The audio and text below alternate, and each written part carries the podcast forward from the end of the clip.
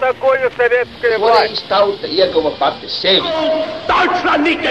Liktenīgas nejaušības un slēptas likumsakarības, subjektīvas patiesības un objektīvi aizspriedumi. Pēc atkušņa nekad nenāk uzreiz pavasars, bet sākās Arī šodien cilvēki ir ļoti tuvredzīgi. Viņi redz to naudu, kas ir. Televīzijā jau pamatā notiek cīņa par varu. Pagātne no šodienas skatu punkta un šodienas caur pagātnes prizmu. Raidījumā šīs dienas acīm. Katru svētdienu Latvijas radio eterā Eduards Liniņš. Labdien, cienījamie klausītāji! 30. oktobrī aprit kāda apaļa jubileja, proti, ja ticam Latvijas padomju enciklopēdijas datiem, tad 1916. gada 30. oktobrī ķumeņas apgabalā pasaulē nācis Augusts Voss, vēlākais Latvijas kompartijas pirmais sekretārs. Tātad, kas bija Augusts Voss padomju Latvijas vēsturē? Par to mūsu šodienas saruna un mana sarunbiedra studijā vēsturniece Daina Blējere. Labdien! Labdien! Augusts Voss bija Latvijas kompartijas vadītājs un līdz ar to ievērojot tobrīd pastāvošo padomju sistēmu vadošā persona padomju Latvijā no 1966. līdz 1984. gadam. Tas arī ir laiks, kurš ar nelielu chronoloģisku nobīdi atbilst Brežņeva laikam padomju savienībā.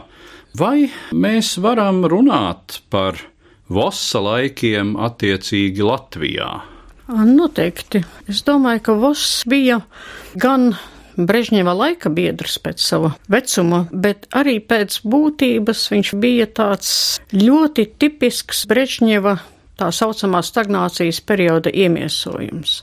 Stagnācijas perioda partijas vadītājs, jo pēc savām īpašībām, pēc savas politikas, pēc savām darbībām varētu teikt, jā, varbūt teiksim, tāda brežņeviska tipa vadītāju pat grūti citu iedomāties. Viņš sava veida standarta vadītājs. Ja mēs salīdzinām Augustu Vosu un viņa periodu ar iepriekšējo, tātad Latvijas kompartijas pirmā sekretāra Arvīda Pelšas periodu, tāds populārs priekšstats, ka bija Pelša, kas Latvijas gadījumā valdīja ar stingru roku, un pēc tam Voss, nu tas bija tiešām tāds apmiera, tāda zināma negatīva līdzsvara periods, kad sabiedrībā nebija vērojamas nozīmīgas disidentiskas kustības, tie bija margināli gadījumi, un savukārt arī vāra tā īpaši nespieda. Jā, bet es domāju, ka lielā mērā šī situācija, kad disidentiem neļauj pacelt galvu, un tajā pašā laikā tā politika nebija arī tik ļoti represīva, kā viņa varēja būt. Tā arī lielā mērā pateicoties tieši Vosa personībai un tam, ka lielā mērā viņš ļoti orientējās uz to, kādi vēji nāk no Maskavas.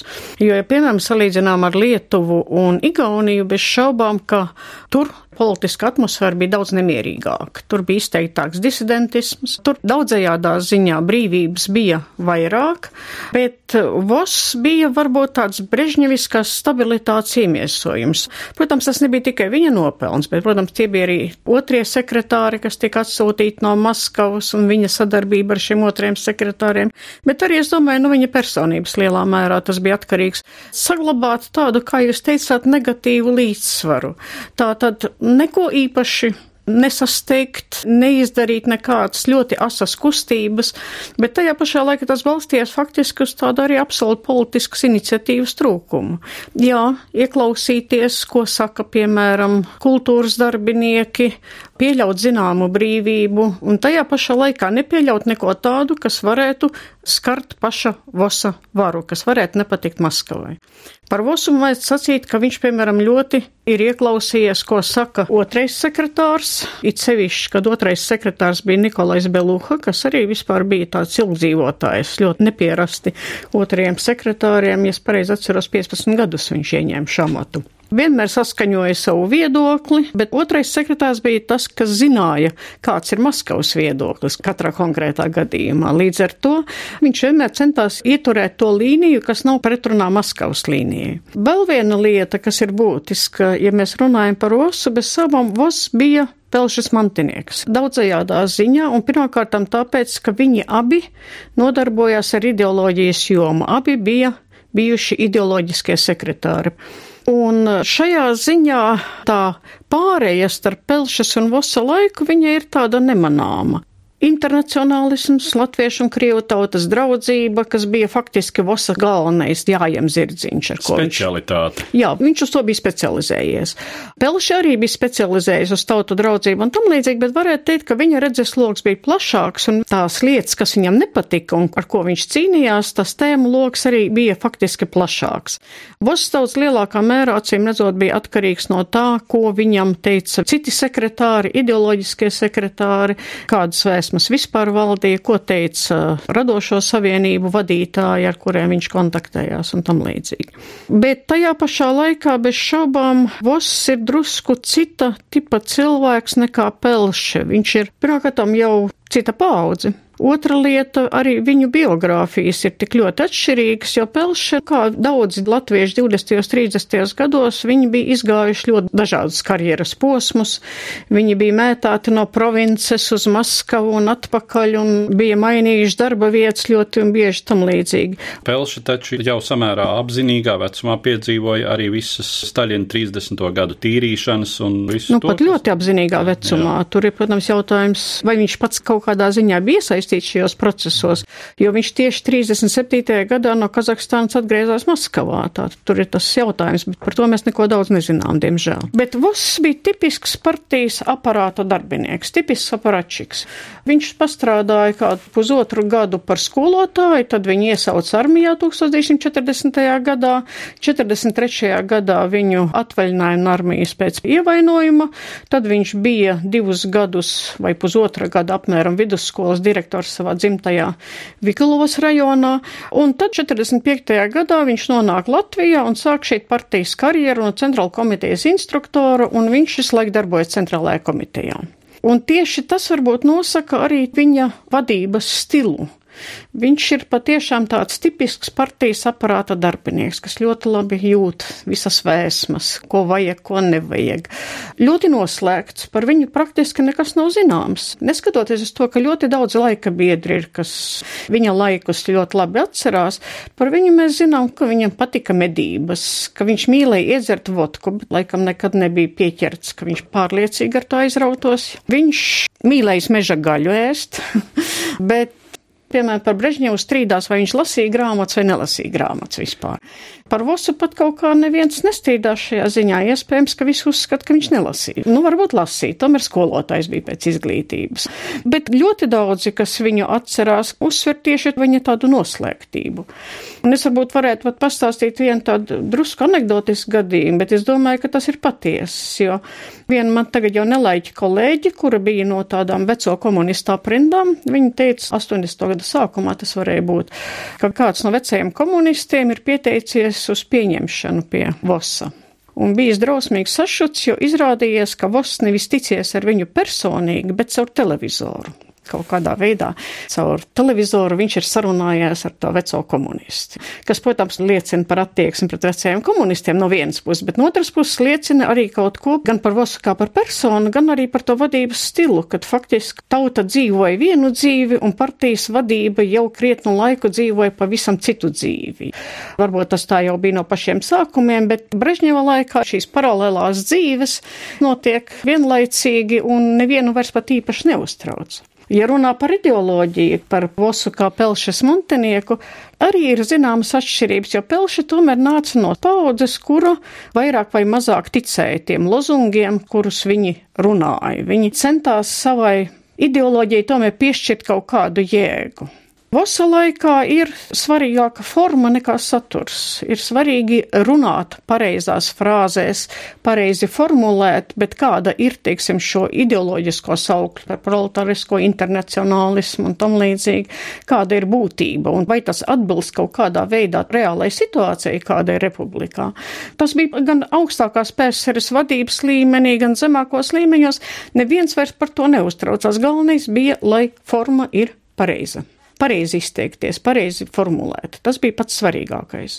Un Voss šķiet, ka šo mākslu pieprata ļoti labi, jo viņa runas vienkārši nav iespējams lasīt. Tur nekā nav, bet uh, neviens nevarēja piesieties pie viņa formulējumiem. Viss bija pareizi. Daži vēsturnieki uzskata, ka tieši pateicoties tam, ka Latvijā pie stūres no 59. gada līdz 84. gadam bija partijas ideologi, ka varbūt tas ir viens no iemesliem, kāpēc Latvija tieši Vosa laikā sāka izteikti atpalikt no Lietuvas un Igaunijas.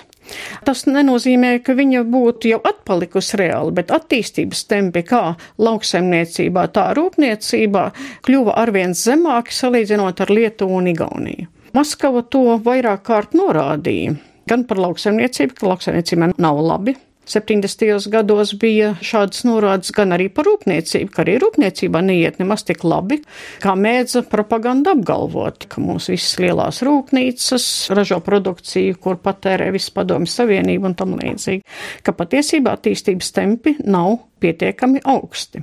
Ar ko mēs vos atceramies, vienīgais ar to, kas arī viņa popularitāti ļoti nevairoja, tas bija, ka 76. gadā vai 75. gadā sākās gaļas trūkums izteikts, ka veda gaļu no Ļeņingradas un no visurienes cilvēki, un visi uzskatīja, ka pie tā ir vainīga vosa politika, jo ir palielināts piegādes vissavienības fondos, un kāda uz to bija vosa atbilde, nu varbūt tā nebija gluži vosa, varbūt To izdomāja viņa lauksaniecības sekretāri, bet tas tika pierakstīts vasām.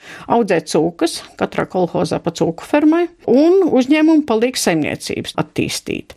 Tie nebija strateģiski lēmumi. Tas nebija nekas tāds, kas lauksaimniecību varēja ļoti būtiski izraut no tās stagnācijas, kas veidojās. Protams, tā nebija tikai Latvijas problēma, un tā nebija tikai Vosa vai viņa līdzbiedru politikas sekas izteikti Brežņeva laikā jau kopš 60. gadu beigām arī PSRS ekonomika stagnēja. Bet, ja salīdzina, teiksim, attīstības temps Igaunijā un Lietuvā, jā, tad tomēr šīs kopējās situācijas ietveros bija iespējams kaut ko darīt vairāk. Bet trūka šīs vīzijas, trūka politiska skatījuma uz to, ko tad varētu darīt. Nu, Lietuviešiem, piemēram, kaut vai bija būvēt. Kriškievičus bija celtnieks, un viņi ļoti daudz būvēja. Tas varbūt arī izšķieda resursus un tam līdzīgi, bet vismaz no tā kaut kas palika pāri. Jā, tas bija tas periods, kad tiešām šī starpība starp Latviju un pārējām divām Baltijas padomju republikām kļuva acīm redzama, un es pats atceros, dzīvojot pavasarām vidzemes ziemeļos, braucienus uz tuvākām Igaunijas mazpilsētām, pēc sviesta, pēc desas, nu tāds spilgti izteikts, kā to angliski sauc sausage tourism, desu turisms, kas pastāvēja tiešām visā padomju savienībā, un tas ir vesels tāds sadzīves kultūras slānis, bet nu mēs to visu piedzīvojām, kad Latvijā vienkārši bieži vien bija tukši plaukti. Nu, jā, lai gan tie tukšie plaukti tas ir relatīvi. Uz pārējās padomu savienības fonu varētu teikt, līdz kādam 75. gadam patiešām šie plaukti bija vēl samērā pilni kas bija Baltijas republikas, Maskava, Ļeņingrada, kas bija vairāk vai mazāk apgādāts. Arī Itālijas ziemeļas bija 80. gadu sākumā, Kirovska un Murmanska, tur gan uz kartiņām, bet vietējiem tur daudz maz apkārt bija laba. Bet es atceros, ka vēl 70. gados, 70. gada sākumā kaut kad bija Kazaņā, kur vienkārši bija šokā, jo iegājām gaļas veikalā, kurā vispār plauktos bija tikai margarīna paciņas un vairāk nekā. Tā kā tas dažādās vietās bija ļoti dažādi, bet, protams, ka Baltija bija labāks stāvoklis. Un šis labākais stāvoklis, protams, saglabājās arī vēlāk. Bet Latvijā tieši 75. gads bija tāds ļoti straušs kritums šajā ziņā, un cilvēki to ļoti sāpīgi, protams, izjūta. Jo līdz tam, nu, vairāk vai mazāk kaut ko varēja nopirkt. Jautājums bija par kvalitātes sortimentu un citām lietām, bet gaļa desas un tam līdzīgi daudz maz bija nopērkams. Tad patiešām sākās tāds īsts tukšums. Problēma jau bija tā, ka pārtiks turisms jau pastāvēja plašos apmēros. Brauca ekskursijas no visas plašās padomju savienības, ar, protams, ar mērķi pie viena arī sapirkties un aiziet uz mājām. Un mums bija jāapgādā šie vissavienības fondi, kas tad tie bija. Lielā mērā apgādāja armiju. Tātad viss tas armijas kontingents, kas bija izvietots šeit, to apgādāja mūsu vietējā lauksaimniecība. Bet problēma bija tā, ka padomju ekonomika vairs nevarēja pavilkt. Ja kaut kas glāba Brežņeva režīmu un ļāva tam noturēties pietiekami ilgi, tad tā bija nafta. Tā lielā laime, kad izdevās atrast naftu Rietum Sibīrijā un 60. gadu beigās, 70. gadu sākumā sāk jau intensīvi apgūt šīs atradnes, tas, protams, bija tas, kas noteikti vismaz par gadiem desmit paildzināja šā režīma eksistenci. Jo uz naftas ienākumu rēķina tad varēja kaut kādā ziņā drusku mazināt to preču deficītu, kas pastāvēja. Vai Latvija no tā kaut kā ieguva un cik daudz no tā visa ieguva, tas vispār ir tas jautājums, kas vēl būtu jāpēta diezgan daudz. Un tur ir tas jautājums, kāda tad bija šī republikas vadības politika. Katrā ziņā mēs varam redzēt, ka šī politika tomēr visumā bija nekaitināt Maskavu, neprasīt neko par daudz un tam līdzīgi. Tas priekšstats, kas bija sabiedrībā par Vosu un Vosa režīmu, Vosa laiku, nu viņš patiešām atbilda tam, kā tas arī bija. Neizlēgt, neko nedarīt vairāk, bet aiz tā visas tomēr slēpās arī tāds absolūts vīzijas un iniciatīvas trūkums.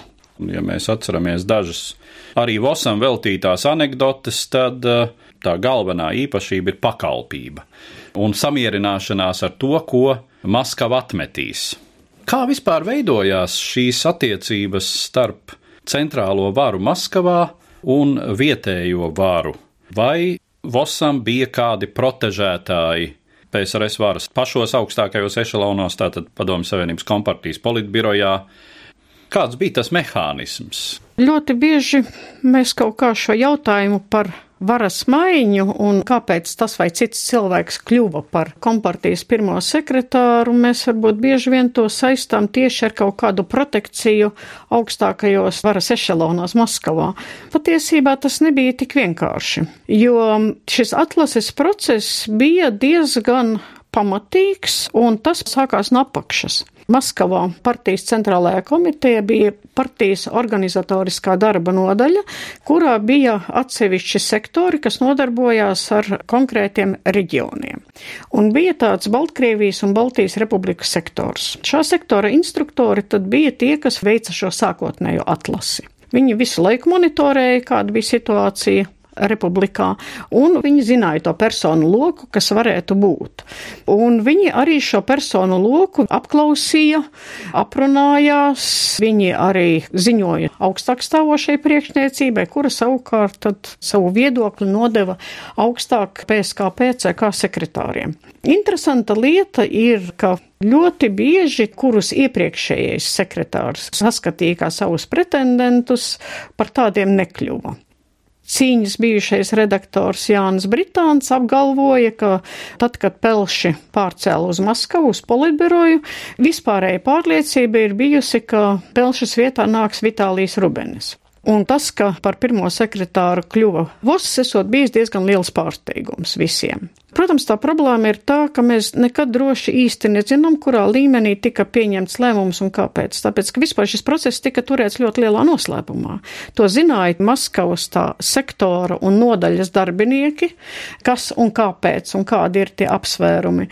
Bet to republikas līmenī nezināja un faktiski nezināja arī pat citās centrāla komitejas nodaļās un sektoros. Jo, kas ļoti interesanti bija, ka, piemēram, šie sektori, tur bija, teiksim, Ukrainas un Moldāvijas sektors, Baltkrievijas un Baltijas republikas sektors vai Vidusāzijas sektors, aizkaukās sektors, tam līdzīgi. Šie sektori faktiski savstarpēji nekomunicēja šo sektoru darbinieki. Tas neskaitījās labs tonis.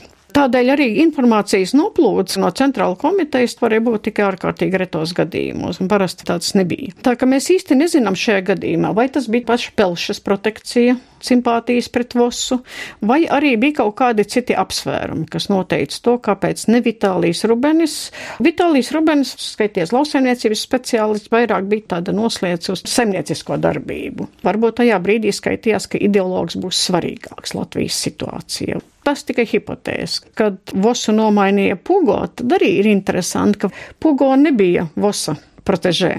Bet par to, kā tas notika, ir skaidrāk zināms šobrīd. Lietuviešu vēsturnieks Sauļus Gribkausks ir uzrakstījis grāmatu par otrajiem sekretāriem, un tur diezgan plaša intervija viņam ir ar Vitāliju Soboļevu, kurš tajā laikā bija tieši partijas organizatoriskās darba nodaļas Baltkrievijas un Baltijas sektora vadītājs, kas ļoti labi zināja, kā šis process noritēja. Un Voss ir gribējis redzēt Šķiet, ka Vero. Īsti skaidri Sabuļovs to nepasaka, bet varētu domāt, jo tas bija lauksaimniecības sekretārs. Šajā gadījumā motivācija, kāpēc Pugo, bet ne kāds cits, ir pietiekami skaidra, tāpēc, ka 84. gadā bija jau kursus partijas atjaunināšana. Un visi sekretāri, kas bija Čems, Vero un tam līdzīgi, viņi visi bija dzimuši kaut kur starp 25. un 28. gadu. Vosa skatījumā viņi varbūt bija samērā jauni cilvēki, bet Maskavas skatījumā viņi jau skaitījās pārāk veci. Pugo bija desmit gadus jaunāks, tā ka galvenais motivācija, kas noteica to, ka viņš bija jauns, enerģisks un tika uzskatīts, ka viņš varētu Latviju izvilkt no šīs stagnācijas, kurā tā bija iegrimusi Vosa laikā. Par Vosu arī tai pašā Wikipēdijā šķiet ir lasāma viena frāze, un to mēs arī visi, kas viņu pieredzēja, atceramies. Publiski Voss latviski nerunāja, it kā esot pratis latviešu valodu, bet visas publiskās uzstāšanās notika Krievu valodā. Kāda vispār bija Vosa politika, cik mēs vispār varam runāt par neatkarīgu politiku šai nacionālajā jautājumā un nacionālistisku, kā toreiz teica, tendenču apkarošanas, nu tātad reaģēšanas uz visu šo zemdegās pastāvošo etnisko neapmierinātību. Pirms diviem gadiem bija iespēja intervēt Jāni Britānu, un es painteresējos, kā tad bija, vai Voss runāja latviski. Viņš teica, ļoti labi runājis latviski, arī Centrāla komitejas biroja sēdēs. Viņš arī bija no latviešu kolonistu ģimenes, acīm redzot, ģimenē runāja latviski, un tā ka tā nebija problēma. Bet publiskos gadījumos patiešām viņš nekad nerunāja latviski, un cilvēkiem vispār bija priekšstats, ka viņš neprot nemaz latviski. Atceros, atmodas laikā jau Latvijas televīzijā bija intervija, kad viņš jau bija pensionārs no viņa šikā Maskavas dzīvokļa, un tur izrādījās, ka patiesībā viņš tīri labi prot runāt latviski. Tagad, protams, tā bija politiska izvēle publiski nerunāt latviski. Kā jau mēs iepriekš pieminējām, tauta draudzība bija viņa, tā teikt, tas galvenais ideoloģiskais hobijs. Viņa ieguldījums, ja tā varētu teikt, Latvijas ideoloģiskajā dzīvē. Bet ko tas praktiski nozīmē, ja, ja mēs abstrahējamies no visām tām runām un zinātniski praktiskajām konferencēm par tautu draudzību un tam līdzīgi? Tas nozīmē nekādā veidā nekustināt nacionālo jautājumu. Nerunāt par to, jebkāda veida informācija arī zinātniskos pētījumos par iedzīvotāju nacionālo sastāvu, par iedzīvotāju nacionālo sastāvu atsevišķās profesijās un tam līdzīgi, tā bija absolūti aizliegta. To nevarēja publicēt. Atceros tā dežu frāze bija, ka Latvijas rūpniecībā strādā cik tur 104 vai cik tur tautību cilvēki, bet kāds ir šī tautību proporcijas reāli? Par to vispār nedrīkstēja runāt. Reālā politika faktiski bija vērsta uz ko, lai apslāpētu kaut kāda veida ekscesus. Gan no vienas, gan no otras puses. Tātad, protams, latviešu nacionālisms nekādā ziņā netika tolerēts, bet tajā pašā laikā arī netika pieļauts pārliecīgas krievu šovinisma izpausmes. Tātad galvenais bija, lai Maskavas acīs viss izskatās ļoti labi. Mums visas tautības sadzīvo labi, draudzīgi, nav nekādu problēmu un tam līdzīgi. Es tieši nejauši atradu internetā 80. gadu sākumā divus gadus Baltijas kara apgabala pavēlnieks bija tāds Postņikovs. Tur viņš apraksta, kā viņš ieradās kara apgabalā, un, protams, visu republiku pirmie sekretāri bija kara apgabala kara padomas locekļi, un viņam bija jādodas pieklājības vizītēs pie šiem visiem trīs republiku vadītājiem, plus vēl Kaļiņingradas pirmajam sekretāram. Un kas ir interesanti, viņš raksta, ka Igaunijas, Latvijas un Lietuvas ļoti pieklājīgi, ļoti jauki, viss tā uzņemšana, bet Kaļiņingradā ar to Kanavalu tur gan esot bijis grūti, viņš vienkārši tur absolūti nav ņēmis nevienu galvā, un viņš par sevi uzskatījis par tādu vietējo valdnieku, kurš vispār ar lietām nav nodarbojies, dzīvojis savā vasarnīcā, sestdienās medījis, piekdienās gatavojies medībām un svētdienās atpūties pēc medībām. Un tas bija absolūti svēta lieta. Toties Baltijas republiku pirmie sekretāri vienmēr ir bijuši gatavi kontaktēties, ja kaut kas vajadzīgs, lūdzu, izpildīsim, izdarīsim, palīdzēsim un tam līdzīgi. Un par Vosu viņš saka vienu teikumu, ka Voss ir cīnījies par latviešu un krievu tautu draudzību. Un ka ar tautu draudzību viss ir bijis ļoti labi. No tā var saprast, ka pēc tam acīm redzot kaut kā nezinu, no kurienes pēkšņi uzrādās tas nelabums. Vosa politika bija uzklāt tādu biezu segu, un, ja tur apakšā kaut kas grust, nu, grust, bet neļaut, lai liesma parādās.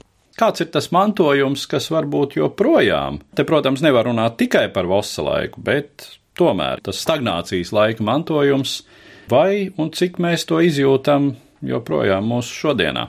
Es domāju, ka mēs diezgan izjūtam. Jautājums, protams, ir, vai mēs to visu varam pierakstīt tikai šim stagnācijas laikam, vai tomēr tam ir senākas saknes jau kopš 1940. gada. Daudzajādā ziņā, es domāju, ja runā tieši par republikas vadību, par to partijas aparātu un viņa komplektēšanas principiem tam līdzīgi, tam visam saknes aug jau no 40. 41. gada un arī no pirmajiem pēckara gadiem. Tā kā savā ziņā VOS ir šīs sistēmas produkts. Tās lietas, kas bija aktuālas, viņas jau radās kaut kad 40. un 50. gados. Nevelti bija berklāvisms un mēģinājumi kaut kādā veidā ierobežot migrāciju un tam līdzīgi, respektīvi ierobežot ekstensīvo rūpniecības attīstību. Tātad visas šīs problēmas jau faktiski bija 50. gados. Tikai neatkarīgās valsts laikā Latvija bez šaubām no visām Baltijas valstīm bija visattīstītākā, kā rūpniecības, tā lauksaniecības ziņā. Un viņa vēl ļoti ilgi tomēr dzīvoja uz to potenciālu, kas viņai bija 20. un 30. gados uz kapitālismu taukiem, ja tā varētu teikt, lielā mērā. Līdz 60. gadu otrajai pusē tas viss vēl strādāja. Tas deva to pozitīvo efektu. Tāpat kā visā Padomju Savienības ekonomikā 60. gadu beigās sākās tempu samazināšanās, Latvija arī sākās, bet Latvijā tieši bija šis personālais moments, kura dēļ pat tās iespējas, kas pastāvēja Padomju sistēmā, netika pienācīgi izmantots, un tāpēc Igauni un Lietuvieši diezgan strauji sāk attīstīties. Un Lietuvai gan rūpniecībā, gan lauksainiecībā šī sākotnējā bāze bija daudz zemāka nekā Latvijai. Latvija principā neko nedarīja lielā mērā tā varbūt patiešām vēl 60. gados bija tāda pārliecība, ka mēs vai šā vai tā esam vislabākie. 70. gados jau bija pilnīgi skaidri jūtams, ka Latvija atpaliek. Bet nekas netika reāli darīts. Ne tikai Voss, arī tie pārējie cilvēki, beig beigās viņa komanda. Ja runā par partijas aparātu pašiem augšējiem slāņiem, es teiktu, tur darbojās ļoti izteikti tas, ko varētu saukt par negatīvās atlases principu. Cilvēki, kuriem bija iniciatīva, kuriem bija kaut kāda vīzija, skatījums uz lietām, kuri bija pietiekami enerģiski, šie Brežņeva laika sistēma, un arī pirms tam viņa viņus izspļāva jau kaut kur centrāla komitejas nodaļu vadītāju vai pat nodaļu vadītāju vietnieku līmenī. Augstāk viņi nevarēja tikt, jo augstāk tu uzkāpi pa partijas aparāta kāpnēm, jo konformistiskāks cilvēks bija. Tas bija gandrīz neizbēgami. Un partijas aparāts tas bija ļoti svarīgs tādā ziņā, ka partijas aparāts noteica ne tikai tādu partijas diktātu. Neviens sovhos direktors vai kolhos priekšsēdētājs nevarēja kļūt par lauksaimniecības ministru. Par lauksaimniecības ministriem vienmēr kļuva partijas aparāta darbinieki. Tas bija galvenais princips. Partijas aparāts bija kāpnes arī uz tā saucamo saimniecisko darbību. Tādēļ tā situācija mums gan kadru ziņā, gan vispārējā politiskā klimata ziņā veidojās nelabvēlīgi, acīm redzami. 60. un 70. gados, un tas tikai pastiprinājās. Šodien arī mēs atpaliekam no Lietuvas un Igaunijas. Un, ja 60. un 70. gados mēs kaut kādā ziņā dzīvojam uz neatkarīgās Latvijas iestrādēm, tad šodien, diemžēl, negatīvā nozīmē šīs padomi laika iestrādes ir tās, kas acīm redzot mūs lielā mērā velk atpakaļ. Ekonomikas struktūra, kas tika izveidota faktiski 60. un 70. gados, kura noveta pie tā ļoti lielie uzņēmumi uzņēmumi, kuri nespēja izdzīvot, kuri nobankrotēja 90. gadu pirmajā pusē, ka ļoti grūti ir mainīt gan ekonomikas struktūru, gan zinām mērā varbūt kaut kur arī ir cilvēku domāšana. Teiksim, tie cilvēki, kas nonāca pie varas 90. gada sākumā un kas noteica to politikas attīstību, ekonomikas attīstību un tam līdzīgi, viņi arī bija tā laika produkts. Viņu domāšana, redzesloks bija tas, ko bija veidojis šis laiks. Es domāju, daudzās jomās mēs redzam, ka Igauni vai Lietuvieši bija dinamiskāki un ir dinamiskāki. Ar tādu novērojumu un vēlējumies eh, kaut tas augusta vosa rēks beigtu klīst pa Latviju un mums tā sacīt dzīvības enerģiju nosūkt. Es arī noslēdzu mūsu šodienas raidījumu, kas bija veltīts Latvijas kompartijas ilgadējam pirmajam sekretāram Augustam Vosam, kopš kura dzimšanas paiet simts gadi, un es saku paldies manai sarunbiedrai, vēsturniecei Dainai Blējerei. Paldies! Katru svētdienu Latvijas radio viens par pagātni sarunājas Eduards Liniņš.